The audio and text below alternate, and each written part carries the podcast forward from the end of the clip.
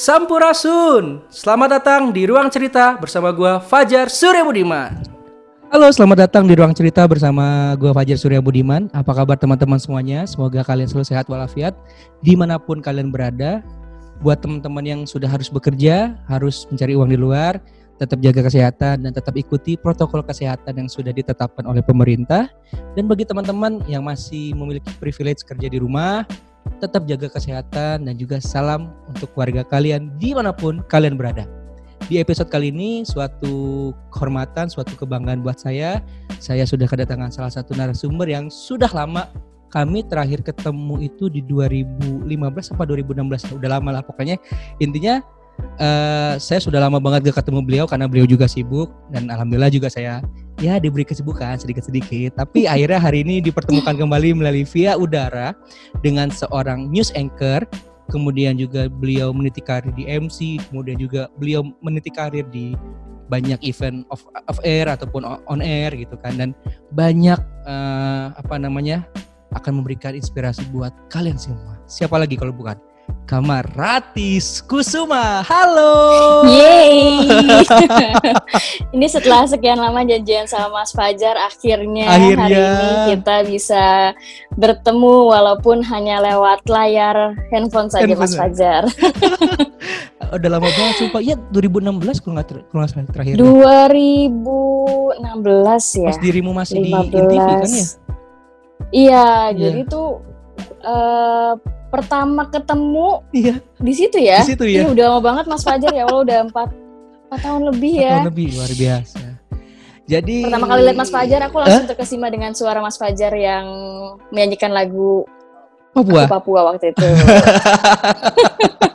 jadi kawan-kawan pendengar uh, ruang cerita, jadi awal kita bener uh, bener banget tadi kata Mbak Rati awal pertemuan kita tuh di event hmm. uh, on airnya InTV waktu itu beliau masih menjadi host di sana.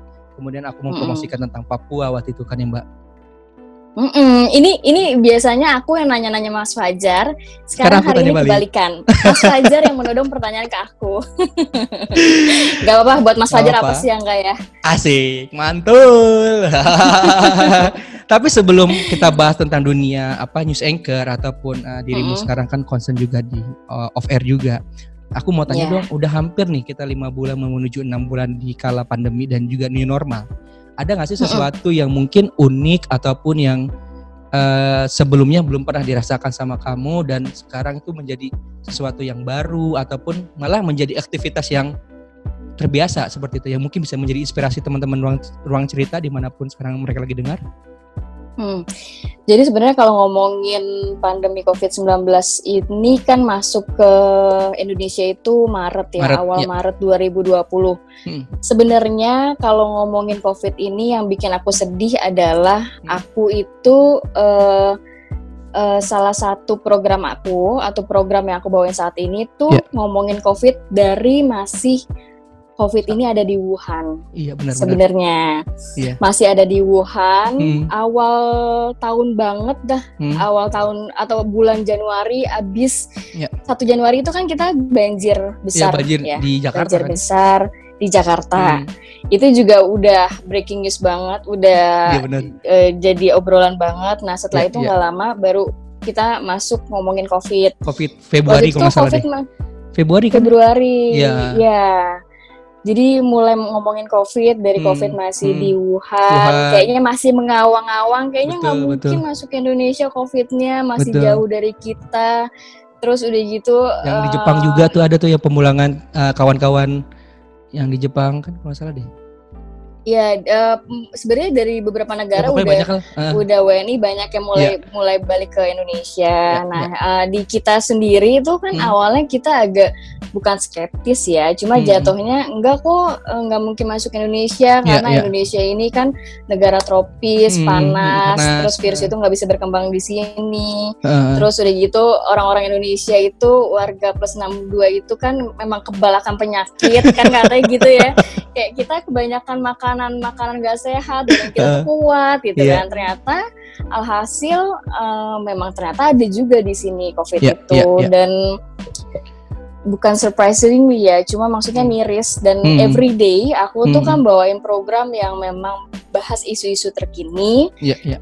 everyday juga aku bahas soal COVID sampai yeah, dengan yeah. detik ini. Mm -hmm. Yang bikin sedih adalah kemarin. Yeah rekor terbesar di iya. Indonesia. 2000 kita ya? bisa tembus di angka 2000-an. Ya, 2000-an. Dan itu kayak wow, hmm. maksudnya ya ya sebenarnya bagus di satu sisi karena sudah banyak rapid test, swab yeah. test yang yang yeah. dapat dikategorikan masif di Indonesia yeah. sehingga yeah. dapat terdetek banyak. Tapi ya di situ menggambarkan juga Indonesia itu belum nyampe peak seasonnya, belum hmm. nyampe di ujungnya yeah. dan dan banyak masyarakat yang saat ini udah dikategorikan udah nggak aware juga. Iya udah seperti dengan, kayak biasa aja gitu. Kayak biasa aja, hmm. kayak biasa aja. Bahkan mungkin sekarang orang lebih udah ngerasa santai aja gitu kan. Iya. Ya udah mulai berkerumun lagi. Ya udah bahkan kemarin ada yang ada yang manggung iya. di salah satu acara di Bogor. itu sebenarnya sih ya menggambarkan nih memang iya. kondisinya yeah. saat ini masyarakat udah seperti itu yeah, yeah, yeah. gitu ya aku sih selama covid ya hmm. tetap kerja Mas Fajar tidak ada di rumah di rumah saja tetap menyapa pagi ya? tetap, tetap menyapa setiap pagi menyapa uh, pemirsa bahkan Tep, agak lebih hmm? berat karena uh, awal-awal covid itu aku kayak ngerasa sedih maksudnya hmm. sedihnya hmm. orang-orang hmm. orang-orang tuh bisa di rumah dan aku hmm. selalu kayak ngomong ke mereka ke pemirsa oke okay, stay at home hmm. hmm. stay safe stay healthy tapi aku sendiri yang justru uh, beresiko tinggi untuk terkena covid hmm. dan di rumah kan ada orang tua kan ada yeah. nyokap bokap yeah, yang yeah. usianya sudah ya udah cukup tua lah, cukup hmm. berumur, hmm. yang rentan akan hal-hal yeah. seperti itu. Nah itu aku sempat awal-awal kayak kenapa ya, sih gue harus ya. kayak tetap ngantor gitu? Iya benar-benar. gue harus tetap ngantor, tetap harus kayak liputan, tetap yeah. harus siaran, siaran pun ketemu sama narsum-narsum yang mereka tuh hmm. dokter-dokter yang tiap hari nanganin COVID, COVID gitu kan. ya ya sedangkan COVID itu tuh kayak bisa random aja ke mana pun bener, bener, uh, bahkan bener. dokter pun banyak yang ya, kena, kena gitu kan ya hmm. udah di situ awal-awal sih aku ngerasa berat hmm. ya kerjaan hmm. ini ternyata. Cuma uh, semakin lama semakin dijalani, huh? terus tiap hari ngobrol mengenai COVID uh, sama banyak orang hmm. dari pemerintah hmm. sampai dokter, terus yeah. tim gugus tugas uh, percepatan penanganan COVID sampai yeah. masyarakat. Kita sempat yeah. juga buka line telepon untuk masyarakat yang pengen nanya-nanya COVID. Hmm. Ya akhirnya mm, mulai terbiasa, tetapi uh, memang saat ini kondisinya adalah kita harus berdampingan dengan COVID ini dalam arti yeah. ya harus tetap aktivitas, harus ya. tetap yeah. perekonomian jalan, hmm. tapi harus tetap juga tuh protokol hmm. kesehatan. Ya mau nggak mau ke mana-mana yeah. pakai masker benar, ya. Benar benar Tapi bahagia hmm. banget gak sih pas pertama kali dirimu masuk mall lagi? Waktu itu masalah bulan apa ya? Bulan ah, bulan ini kalau salah pertanggal berapa gitu? Aku masuk mall sebelum Family. kalian semua boleh masuk mall. Waktu ini kan liputan kan ya? Liputan uh, Senayan City. Senayan City gitu. Sebenarnya sih kalau kalau kita ngomongin mall, huh? uh, mall itu kan banyak banget ya. Oke lah kalau mall-mall yang sering kita datengin memang pasti dia mengedepankan protokol kesehatan. Yeah, yeah. Cuma kan banyak juga mall-mall yang mm, middle yeah. ke bawah gitu mm, yang mm, ya udahlah mm, gitu kan. Mm, ya, ya semoga aja sih masyarakat nggak awal-awal doang mm. untuk untuk apa masyarakat ataupun mall itu nggak ya. awal-awal doang cuma sampai nanti tuh ya sampai covid benar hilang Oke, okay, kita bahas lagi di, di COVID nanti dulu. Kita bahas tentang dunia karir dirimu di entertainment ataupun karir. di news anchor gitu kan. Yang aku tahu hmm. adalah dirimu kan sudah sebelum di uh, sekarang kan di TV One, sebelum itu di INTV, sebelum ya. sebelum juga di apa namanya uh, aku lupa tuh yang di apa MNC, MNC, TV, Jak TV, TV, Jak TV. Nah. Pokoknya banyak lah uh, dirimu sudah pindah-pindah TV ya gue ya. untuk belajar, untuk belajar. Oh, untuk gitu belajar bener-bener. bener-bener. Uh, ada nggak sih tips sederhana ataupun mungkin uh, apa namanya motivasi dari seorang uh, kamarati sendiri untuk teman-teman yang mungkin seprofesi tapi dia masih aku bilangnya apa ya newbie kali ya ataupun masih masih, hmm. masih belajar itu baru tapi, terjun uh, betul TV. baru terjun di TV yang diawali dengan dia hanya di reporter dulu belum sampai ke hmm. news anchor ataupun lebih banyak ke newsroomnya seperti itu kan hmm. nah ada nggak sih tips sederhana dari seorang kamarati sendiri untuk teman-teman baik itu yang di, di di Jakarta ataupun teman-teman yang ada di daerah untuk bisa mungkin sering nonton dirimu di setiap pagi di TV One? Cila. Harus sering nonton aku dong Yo, di iya. TV One. Ya. Apa, per, apa programnya? Apa kabar Indonesia kabar pagi? Indonesia pagi. Ya jam 6.30 sampai jam jam 8 pagi loh promo gue. Jadi ngomongin ngomongin awal karir aku berarti hmm. ya. Hmm. Kalau awal karir aku sebenarnya uh, aku tuh lahir di keluarga yang memang uh, orang-orang media. Bokap di TVRI, Terus udah gitu tante aku juga presenter, news ya. anchor juga. Ya. Terus ya kakek aku juga sempat uh, di TVRI dan juga sempat hmm. di BBC. Hmm. Jadi kayak kayak in my blood aja gitu ya, ya ternyata. Ya, ya. Hmm. Terus uh, pas uh, lulus kuliah emang ya. aku ya. cuma melamar sebagai hmm. presenter TV. Oke. Okay. Itu. Jadi uh, nyarinya juga di job fair kan. Ya, ya udahlah ya. akhirnya diterima di situ. Berarti emang dari uh, awal udah udah mulai ya? Dari awal emang pengen Emang jadi... dari awal emang pengen jadi presenter karena presenter. sedikit banci tampil gitu ya. Gak juga sih, gue pemalu sebenarnya Mas Fajar. Cuma yeah. ya ke bawah aja, jadi ke, ke, ketemu orang sering sambil di TV ya udah mau nggak mau. Nah sebenarnya aku beruntungnya adalah hmm. biasanya kalau kita menjadi presenter itu jenjangnya hmm. panjang, yeah. ya kan? Hmm. Dari uh, pertama uh, ada beberapa TV yang iya. memang yeah. mengharuskan para calon presenter ini untuk hmm. melewati fase pelatihan pendidikan. Yeah. Kalau di TV One tuh ada uh, jurnalis development program. Jadi okay. untuk anak-anak baru mm-hmm. memang harus di situ dulu levelnya. Mm-hmm. Dididik te- secara mm-hmm. teori, secara mm-hmm. praktek. Mm-hmm. Kemudian juga akhirnya baru mulai ditaruh di lapangan. Okay. Nah, uh, mereka itu jenjangnya adalah reporter dulu. Mm-hmm. Jadi ibaratnya uh, kalian udah digojlok dulu di lapangan, mm, di lapangan. itu udah ya kalau di lapangan kan memang kondisinya nggak pernah terduga. Ya, Jadi ya, ya, ya. Uh, apa pun bisa terjadi gitu kan. Nah, di situ ya banyak belajar, banyak belajar, banyak ketemu narasumber, banyak hmm. ketemu orang baru ya. gitu kan. Hmm. Tapi aku beruntungnya adalah pertama hmm. kali aku masuk TV itu hmm. di MNC. Hmm. Sebenarnya masuknya ke MNC bisnis. Jadi TV khusus okay. ekonomi dan bisnis. Oke, berarti bawahnya serius banget ya serius banget ya Allah sedangkan aku kan bukan anak ekonomi ya jadi yeah, mau yeah, yeah. belajar deh gue ekonomi uh, uh, kan uh, terus uh, aku juga hmm? uh, nggak lama langsung pegang program talk show oke okay. talk show-nya jadi bisa ngebayangin juga ya talkshow-nya hard news dan itu soal kebijakan pemerintah di ekonomi. Jadi luar namanya e economic view. Itu tuh bener diterjunin aja. Ibu luar biasa juga ya. Berarti dunia Aduh, ekonominya saya... ngembang tuh ini ya. Tapi itu akhirnya akhirnya nempel sih sampai sekarang karena uh, uh, uh. karena memang cukup lama di situ. Mm-hmm. Kita kan learning by doing dan bener-bener yeah, ya, ya udah yeah, yeah. dilepas aja belajar sendiri ekonomi segala mm. macam, mm. terus ketemu narasumber yeah. yang memang orang-orang yang kompeten di bidang ekonomi akhirnya yeah. ya secara mau nggak mau ya ketemu yeah. narasumber ya gue harus pinter juga dong gue harus betul, belajar betul. juga dong akhirnya aku belajar ekonomi terus kita hmm. ada beberapa kali pelatihan presenter ekonomi hmm. uh, sama lembaga-lembaga ya udah akhirnya mulai mengerti lah. Nah okay. di situ aku di MNC Business plus iNews TV. Jadi dulu iNews TV itu namanya masih Sindo TV lah, masih uh, proses transisi dari Sindo ke iNews tuh masih belum ada orang. Jadi eh, orang-orang dalam grup itu yang akhirnya juga diberdayakan ibaratnya kayak gitu. Jadi aku siaran pagi-pagi di iNews TV, terus siangnya aku siaran di MNC Business gitu. Tapi aku nggak pernah ke lapangan itu, nggak pernah okay. jadi reporter. Jadi baru, baru reporter, reporter di, di sini. Di TV One. Di sini. Iya. Tapi ada nggak sih pengalaman unik yang mungkin tidak pernah dilupakan dari seorang kamarati sendiri, baik itu di lapangan ataupun di studio yang mungkin akan gue selalu kenang sampai kapan pun ada nggak? Kalau pengalaman unik sih banyak ya. Hmm, atau pernah narasumber yang pres menteri atau siapa gitu? Iya narasumber. Aku sih senangnya kan uh, di TV kerja di TV itu buat aku nggak berasa kayak uh, waktu berjalan cepat aja. Yeah. karena tiap hari tiap hari tuh kayak belajar hal baru.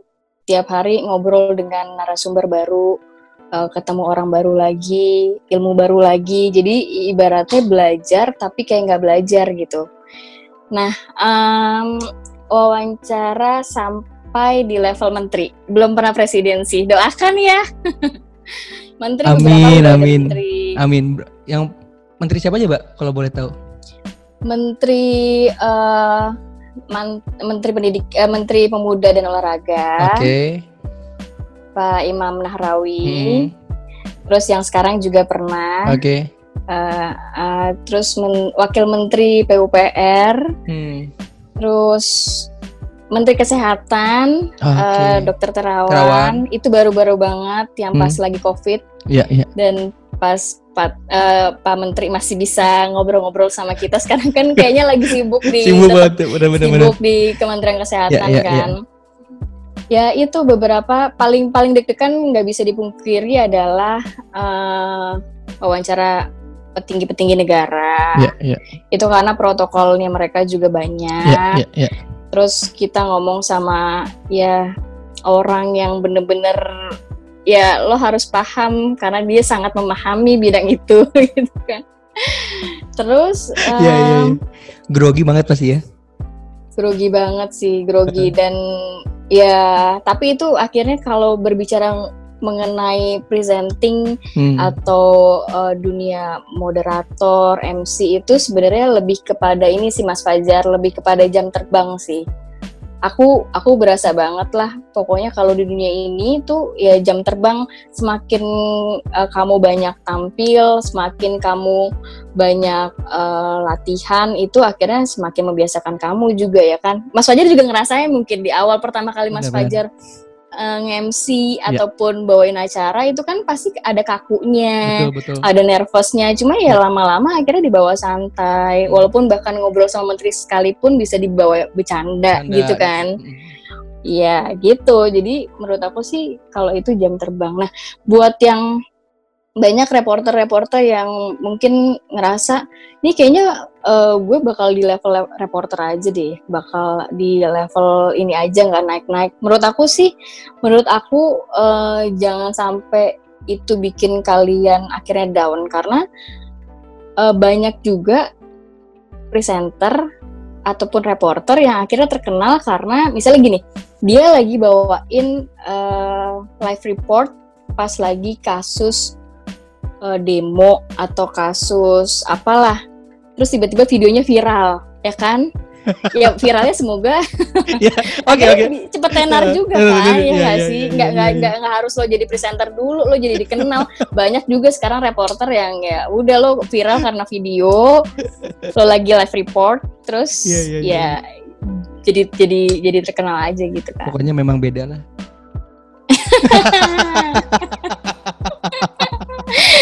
Memang beda ya sekarang. Memang ya beda ya. ya. Aduh, sama, sama seperti slogan ya.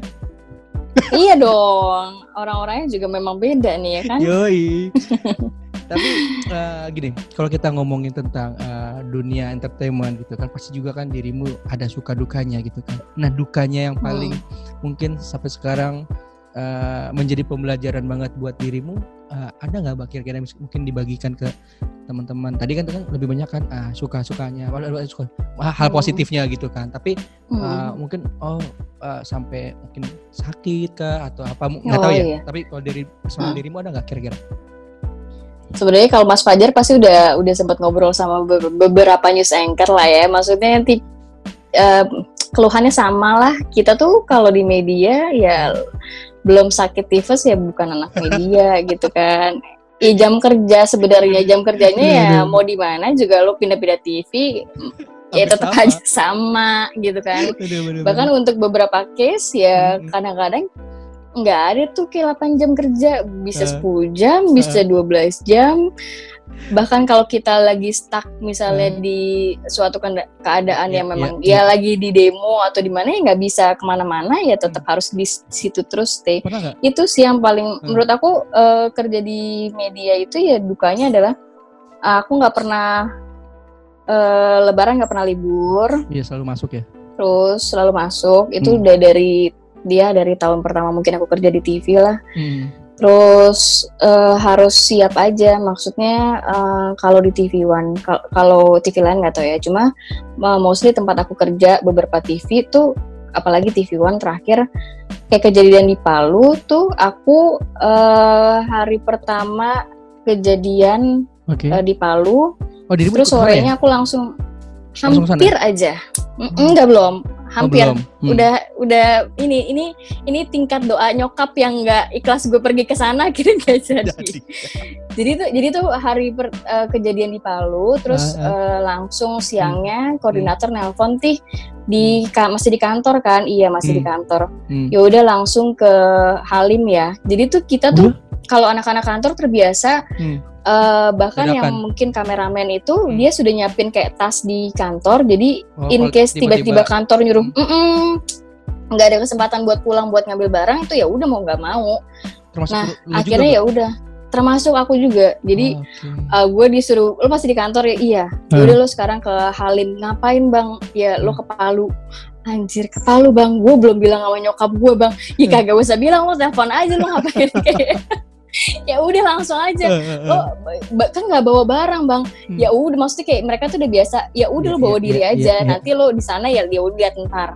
Terus hmm. akhirnya aku ke Palu lah uh, ke Palu sorry ke Halim. Uh, jadi belum waktu itu belum ada pesawat komersial yang oh, ke sana. ini ya Hercules. Hercules. Uh. nah akhirnya terselamatkan oleh uh, tim pertama berangkat duluan. Oke. Okay. Terus aku tim kedua dari TV One yang mau hmm. naik Hercules itu. Hmm.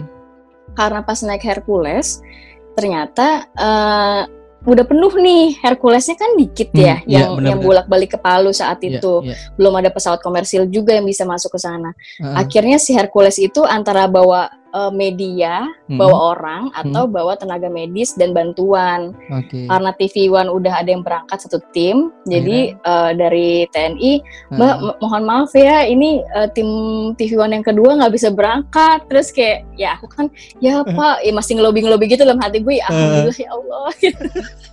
Akhirnya nggak jadi berangkat karena uh, memang nggak ada nggak ada nggak ada space lagi buat ya, uh, TV One berangkat waktu itu gitu. Tapi ya setelah itu kan nggak lama udah mulai ada pesawat komersil jadi nah, beberapa tim sempat Uh, oh. Jadi sempat memang ada ada ada tim lain yang berangkat hmm. naik pesawat, tetapi hmm. cuma nyangkut di Makassar. Uh, ada nggak sih, lu pernah pas uh, reporter di lapangan demo atau apa gitu yang sampai nginep di kantor gitu, pernah nggak bang rasain bang?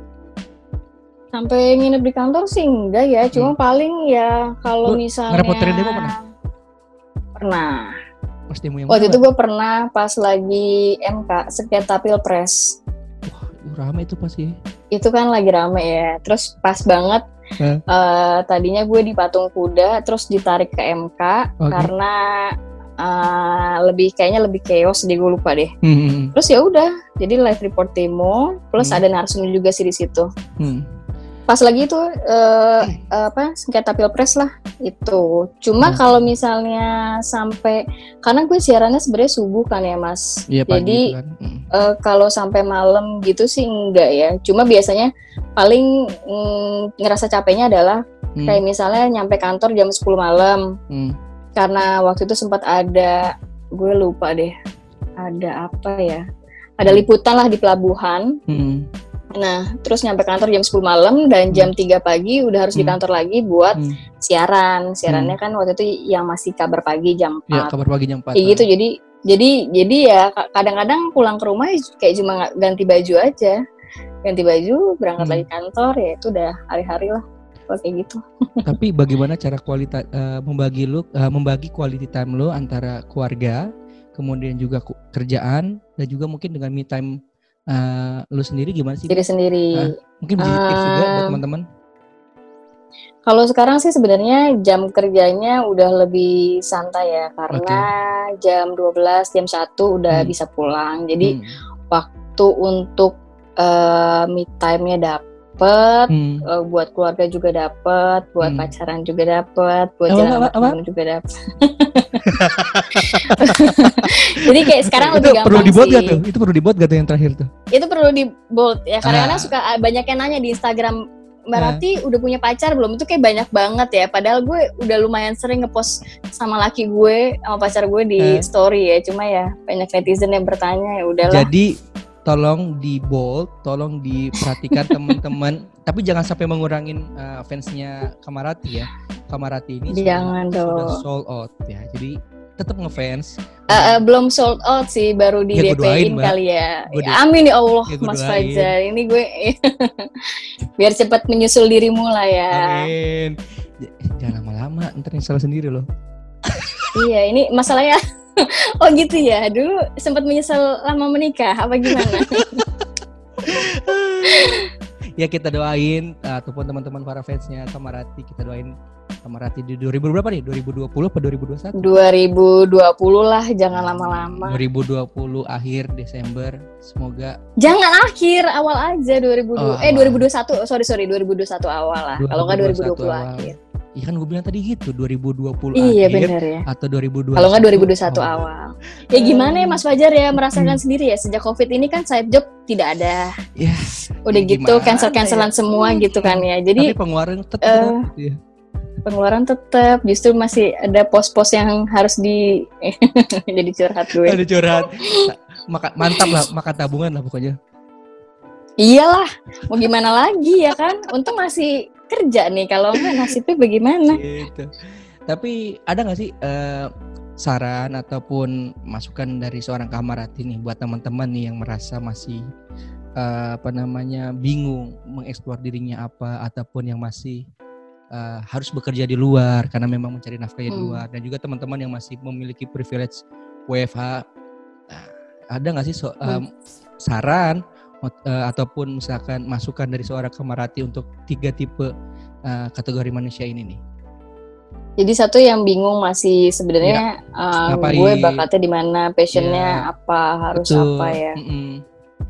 Sebenarnya sih kalau itu lebih ke banyak coba banyak hal aja nggak sih? Maksudnya hmm. kadang hmm. kayak aku nih misalnya hmm. ya aku beruntung bisa bisa tahu apa keinginan aku dan ternyata hmm. pas dicobain bener emang itu passion aku.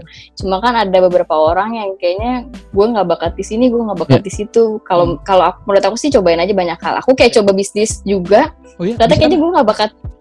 Uh, jadi waktu tahun kemarin Ren itu sempat buka uh, salah satu tempat roti dan ada rot ada rotinya ada kopinya okay. juga. Aku kan di kuliah di Unpad Jatinangor. Mm -hmm.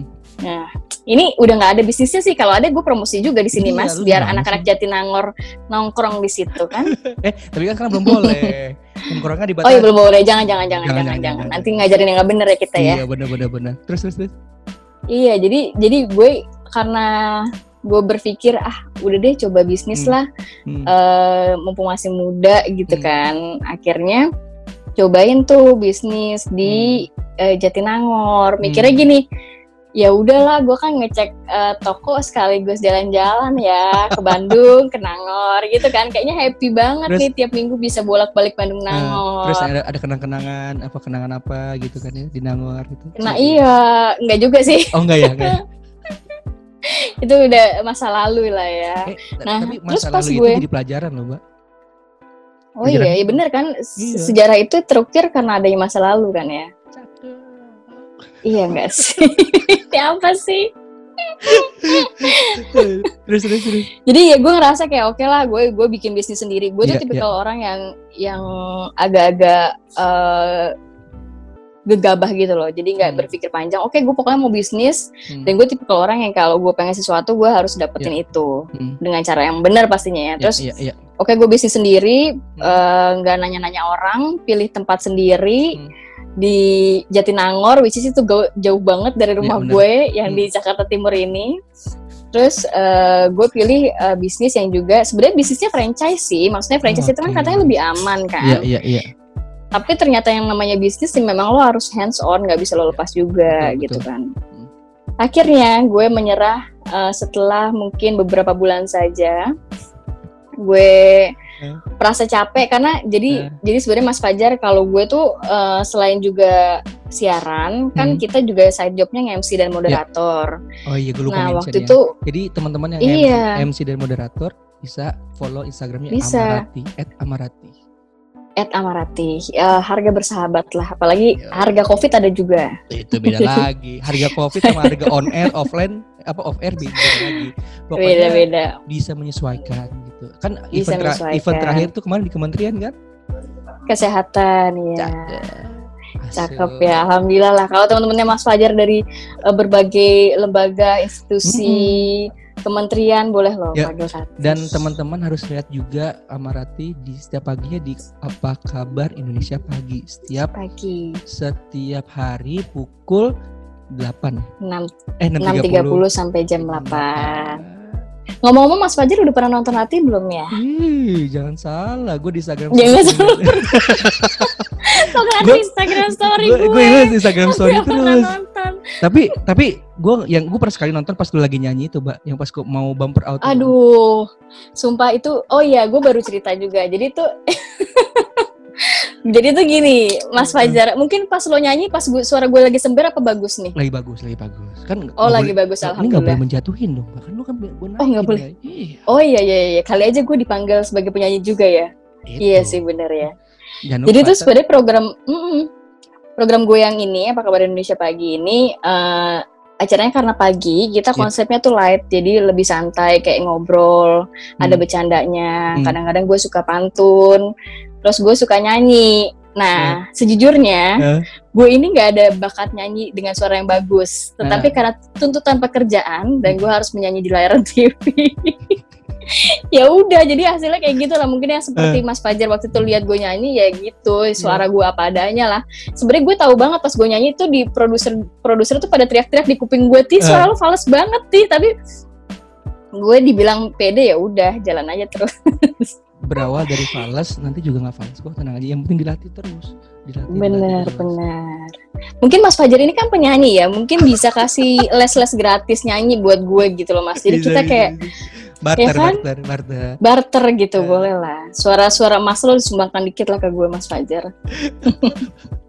okay. Tadi yang kedua, tadi kan tadi yang, yang buat uh, orang yang masih bingung oh, ya, harus mencoba hal baru kan. ya. Nah, buat teman-teman mm -hmm. yang masih WFH sama yang apa namanya harus bekerja di luar ada nggak sedikit sederhana tips dari seorang hati?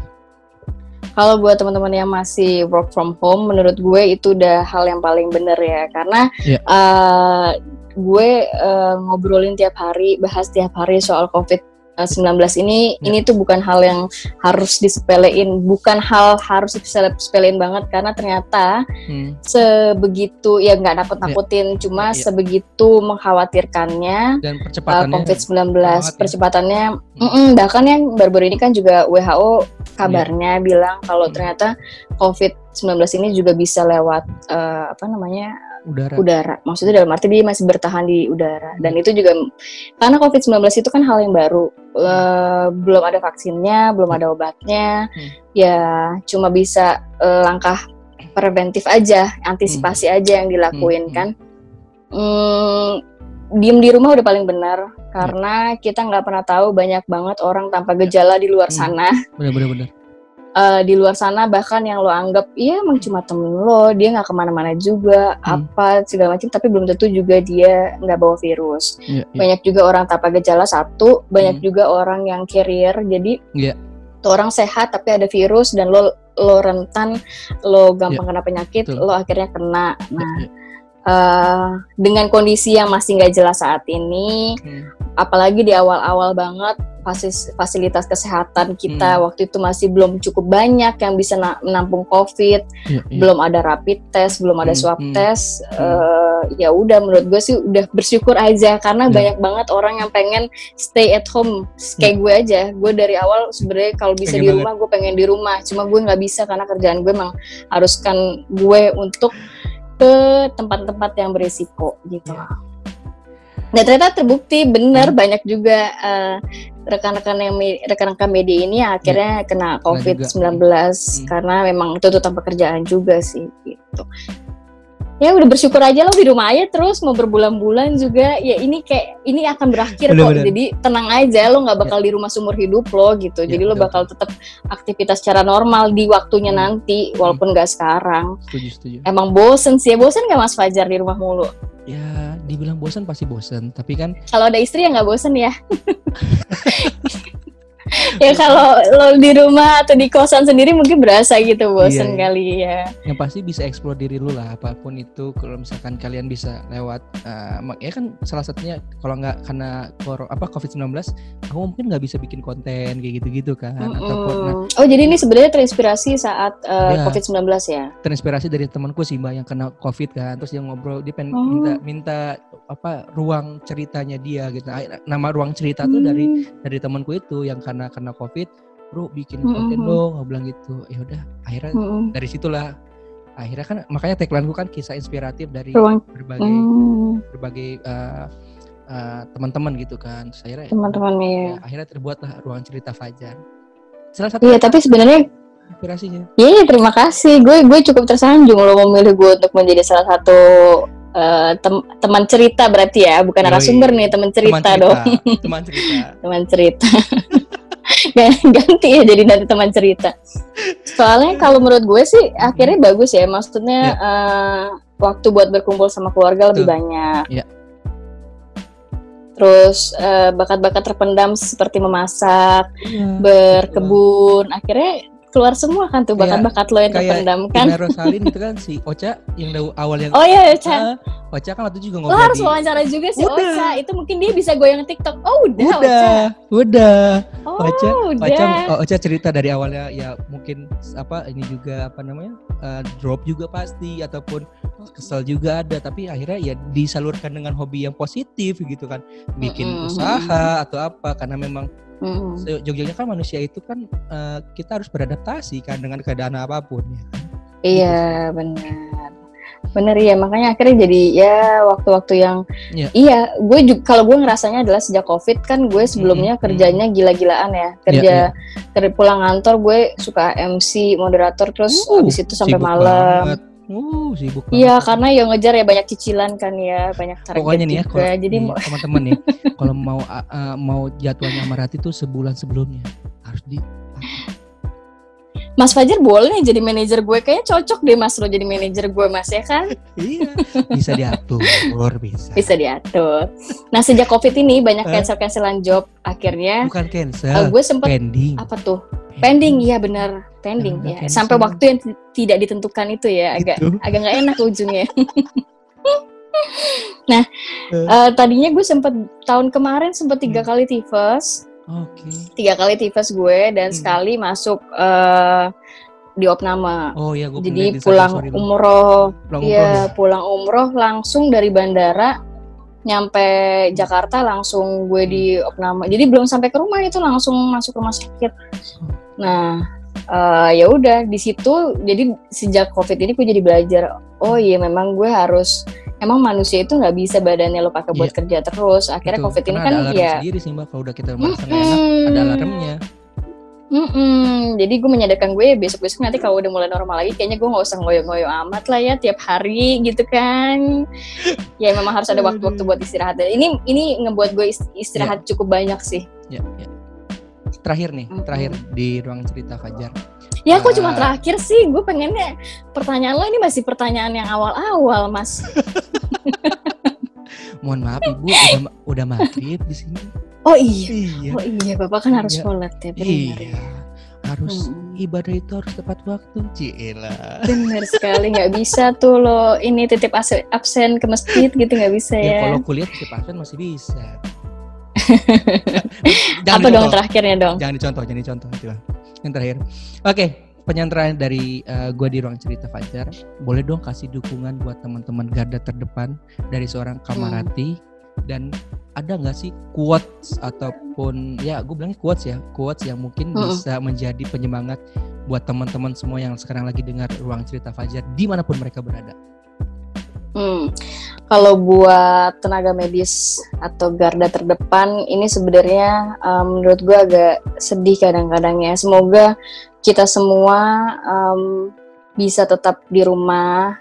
Jadi nggak membuat pekerjaan dari tenaga medis itu semakin berat lagi dengan bertambahnya banyak pasien positif COVID-19, semakin banyaknya lagi nanti bebannya uh, tim-tim medis kita. Dan satu lagi, uh, Rati sering banget dengar cerita mengenai tenaga medis kita ini mendapat stigma negatif di luar sana. Men, dia udah berjuang paling de depan kadang-kadang ibaratnya dia itu lagi perang tapi APD-nya nggak ada nggak mumpuni uh, dia dia bisa berminggu-minggu gak ketemu keluarganya buat nyelamatin para pasien COVID-19 kok kalian bisa tiga-tiganya sih menempelkan stigma negatif buat mereka. Yuk berarti cuma mau ngajak sama-sama.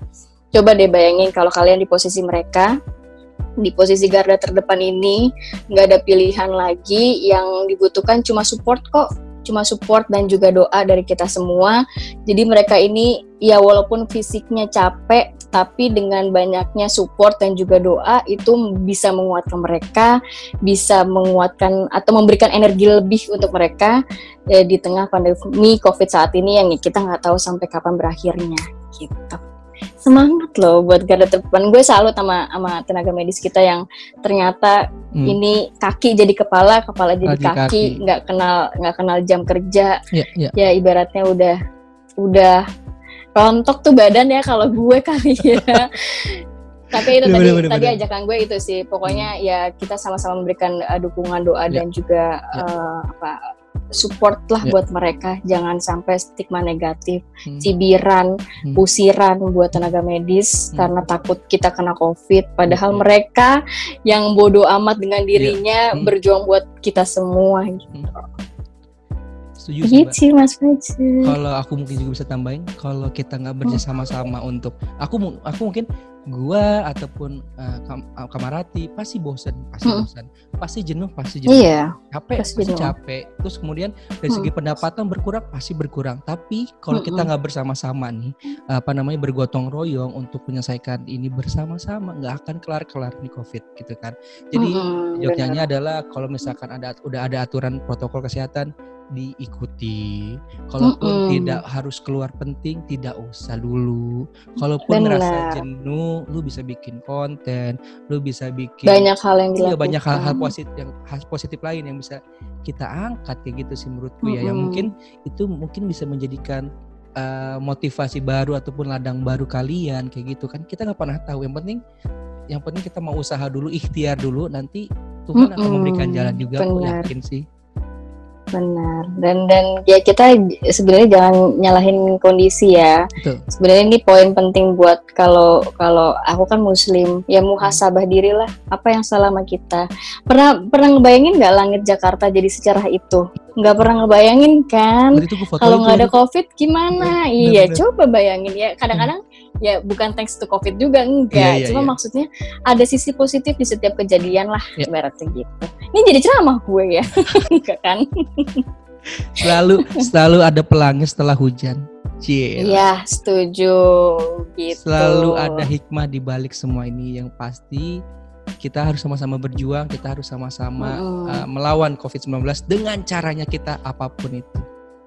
Sebenarnya sesimpel itu, ingat aja ya. 3M. Apa tuh? Menjaga jarak, Cakep. mencuci tangan, Cakep. menggunakan masker, itu udah paling gampang ya sebenarnya cuma segitu 3M. doang ya kan 3 ember bukan ember ya 3 m aja Aduh, oke sekali lagi teman-teman bagi yang mau tahu mau kepo tentang Amarati bisa nih follow di Instagramnya @amarati. Kalau bapak ibu dari kementerian lembaga ataupun apa bisa lah ya harga covid ada, harga off air ada, harga on air ada. Ah, gampang diatur itu ya. anyway sekali lagi terima kasih banyak Amarati untuk sama-sama Mas Fajar seneng Jangan banget kapok. akhirnya I'm sorry agak-agak lama ya karena ya tahu sendiri ya kerjaan kita kan ya. Iya, kadang-kadang nggak kenal waktu. nggak kenal waktu. Kadang-kadang apa uh, pergi nggak ketemu matahari pulang nggak ketemu matahari. Iya padahal cuma di rumah doang ya nggak ketemu matahari lah keluar keluar Aduh, Aduh, jangan kapok untuk main lagi di ruang cerita dengan kisah inspiratif lainnya. Terus jangan lupa mm -hmm. juga untuk apa namanya tetap bahagia dan tersenyum, memberikan senyum yang terbaik buat masyarakat. Oh iya satu lagi. Apa tuh apa tuh? Satu lagi walaupun kita tetap di rumah, ya. uh, sebenarnya kan katanya imunitas yang paling penting untuk dijaga. Ya. Salah satu yang membuat imunitas kita tetap terjaga adalah happy. Jadi lo jangan stres di rumah ya. mulu, lo tetap happy, jadi Betul. imunitas lo tetap tetap bagus juga. Dan ya itu meminimalisir lah lo terkena COVID-19 ya kan. Iya, dan jangan lupa juga untuk saksikan apa kabar Indonesia pagi. Apa kabar Indonesia pagi jam 6.30 sampai jam 8. Setiap hari. setiap hari walaupun nanti ada liburnya ya, cuma yeah. udah gak apa-apa setiap hari aja biar ratingnya bagus ya, penontonnya Hanya di banyak TV ya.